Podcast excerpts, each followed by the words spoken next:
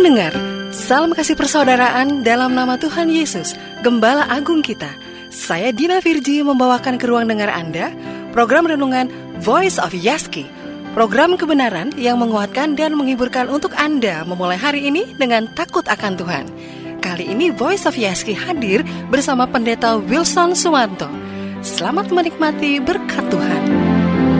Saudara yang dikasih Tuhan, firman Tuhan dalam Yesaya 66 ayat yang kedua Tuhan berkata, "Bukankah tanganku yang membuat semuanya ini, sehingga semuanya ini terjadi?" Demikianlah firman Tuhan. Tetapi kepada orang inilah aku memandang, kepada orang yang tertindas dan yang patah semangatnya dan yang gentar kepada firmanku. Kita sudah berbicara mengenai kerendahan hati. Apa itu kerendahan hati? Dalam firman Tuhan dikatakan bahwa Tuhan memberikan perhatian istimewa kepada orang yang rendah hati. Dan Tuhan memberikan berkat khusus, anugerah kepada orang yang rendah hati. Karena rendah hati adalah sifat Tuhan. Dan sebelum Tuhan memberkati seseorang, dia mempersiapkan hatinya dengan merendahkan hatinya. Ketika Israel akan diberikan tanah perjanjian, mereka diajarkan kerendahan hati untuk bersandar, bergantung kepada Tuhan selama 40 tahun di padang gurun. Mereka tidak bercocok tanam, mereka tidak ada jaminan bahwa ada bangsa-bangsa lain yang menolong mereka. Mereka tergantung 100% kepada Tuhan selama 40 tahun.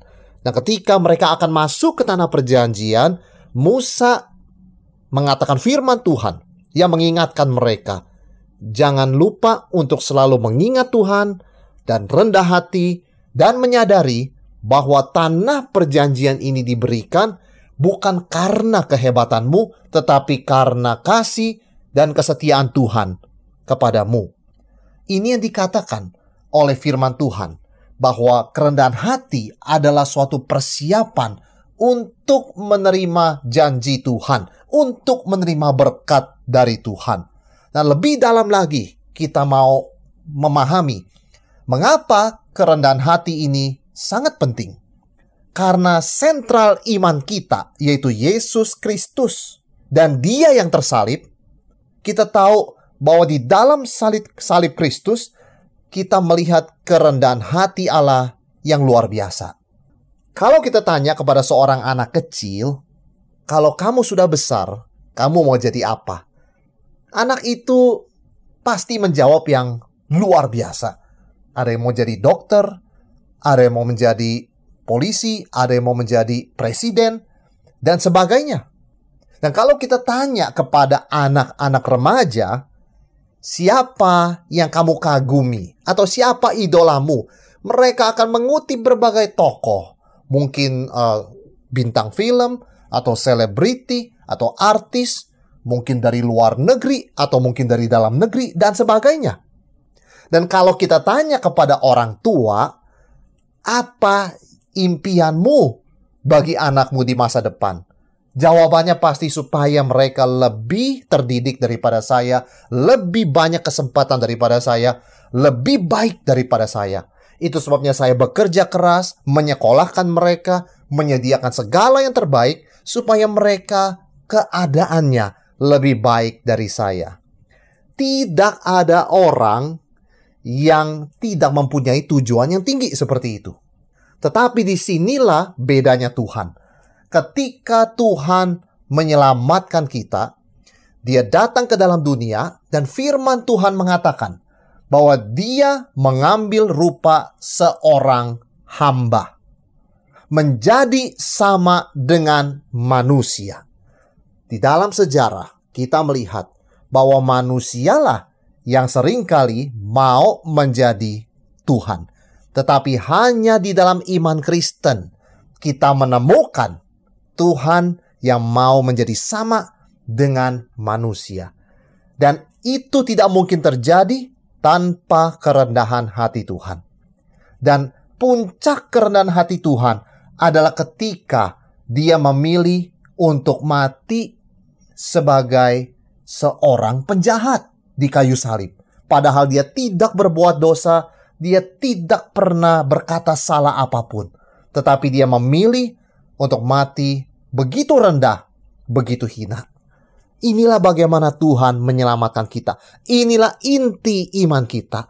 Kristus yang tersalib. Dan inilah ekspresi kerendahan hati yang paling tinggi dari Tuhan.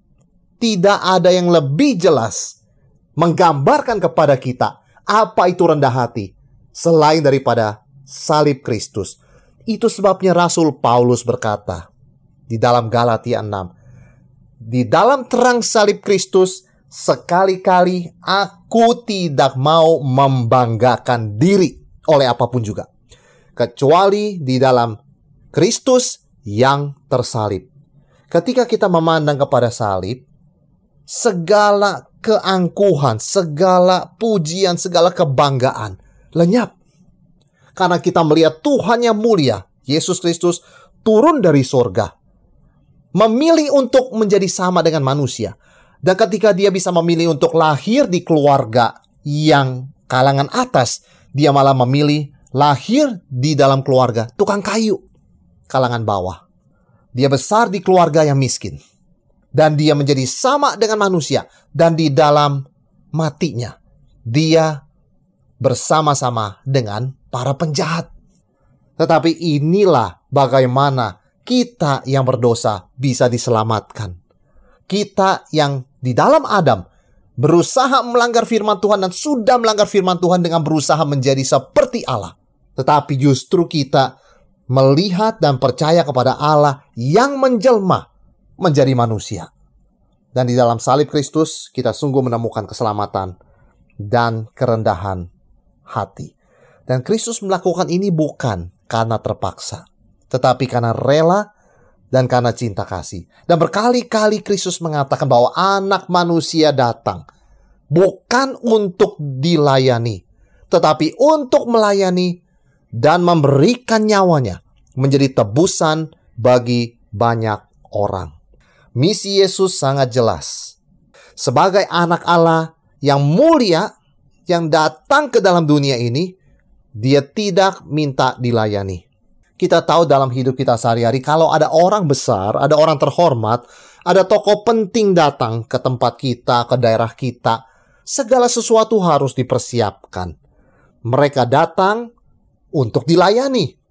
Tetapi kita melihat Yesus Kristus datang, begitu mulia, begitu indah. Dia datang merendahkan dirinya, dia datang bukan untuk dilayani, melainkan untuk melayani sehingga kita boleh belajar apa itu arti kerendahan hati, apa itu wujud kerendahan hati di dalam terang misi Kristus yang pada akhirnya sampai dia mati di salib. Yaitu apa? Kristus berkata, anak manusia datang bukan untuk dilayani, melainkan untuk melayani dan memberikan nyawanya menjadi tebusan bagi banyak orang. Itulah salib. Salib adalah sebuah sikap melayani. Sebuah sikap yang pada akhirnya membuat ego, membuat keakuan kita mati di salib bersama Kristus. Maka Paulus berkata, bukan lagi aku yang hidup, tetapi Kristus yang hidup di dalamku.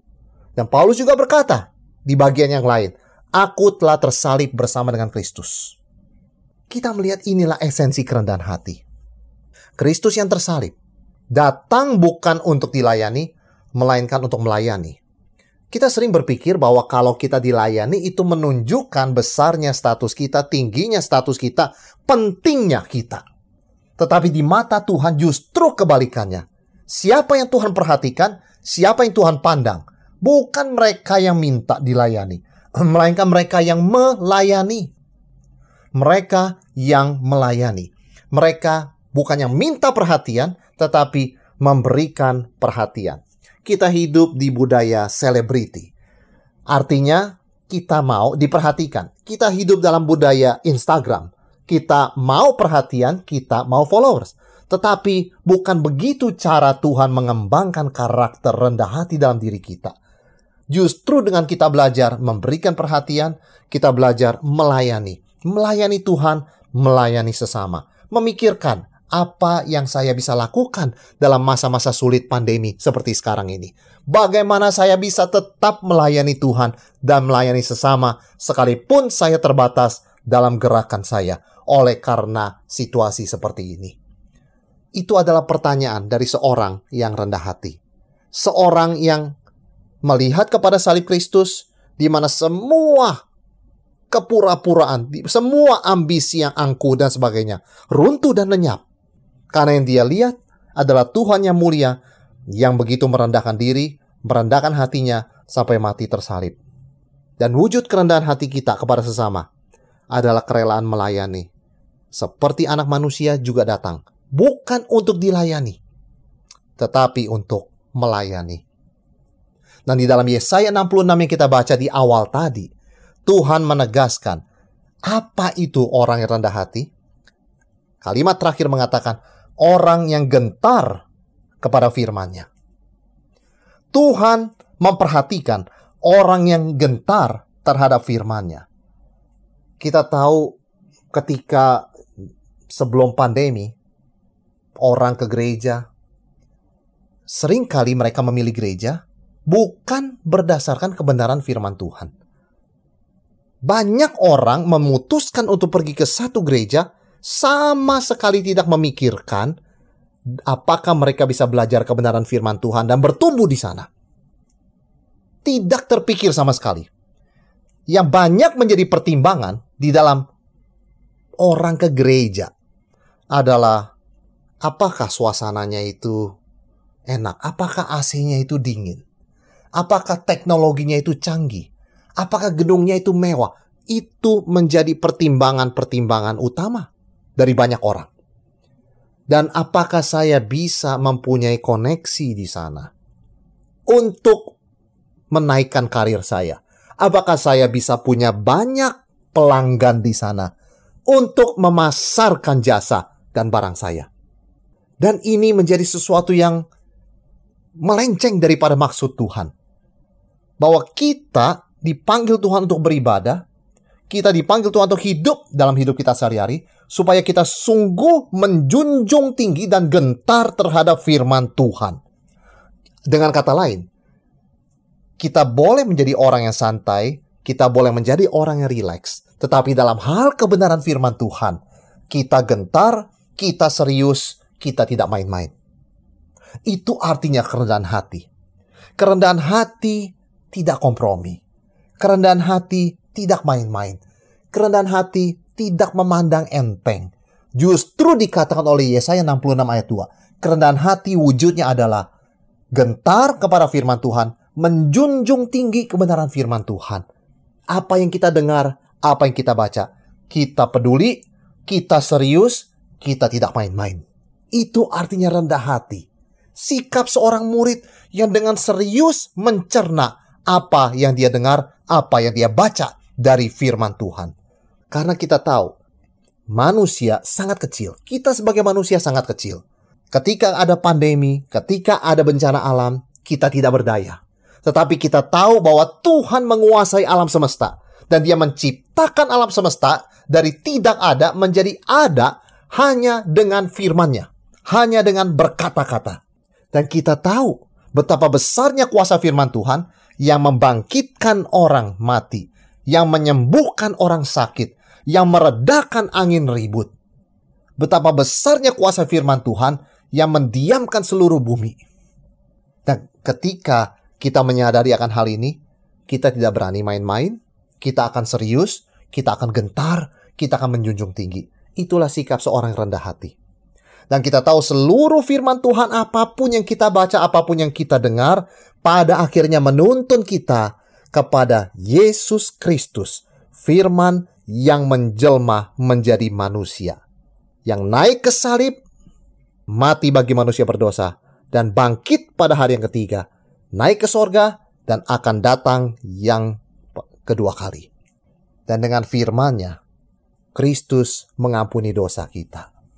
Pada suatu hari Yesus masuk ke rumah ibadat dan dibawa kepada se kepadanya seorang yang sakit tangannya. Kemudian Yesus berkata, "Dosamu diampuni." Dan orang-orang yang hadir protes, siapa dia sehingga dia bisa mengampuni dosa. Yesus mengampuni dosa dengan perkataannya. Tapi tentu kita tahu dia mengampuni dosa dengan kematiannya.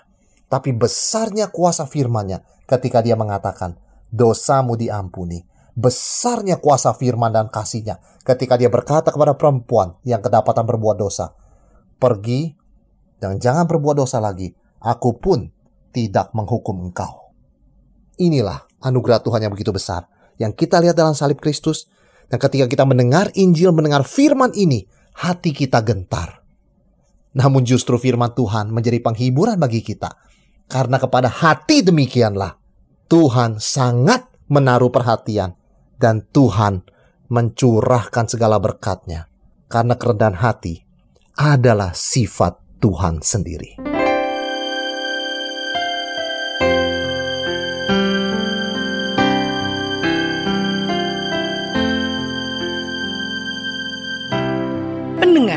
Demikian tadi program Renungan Voice of Yaski.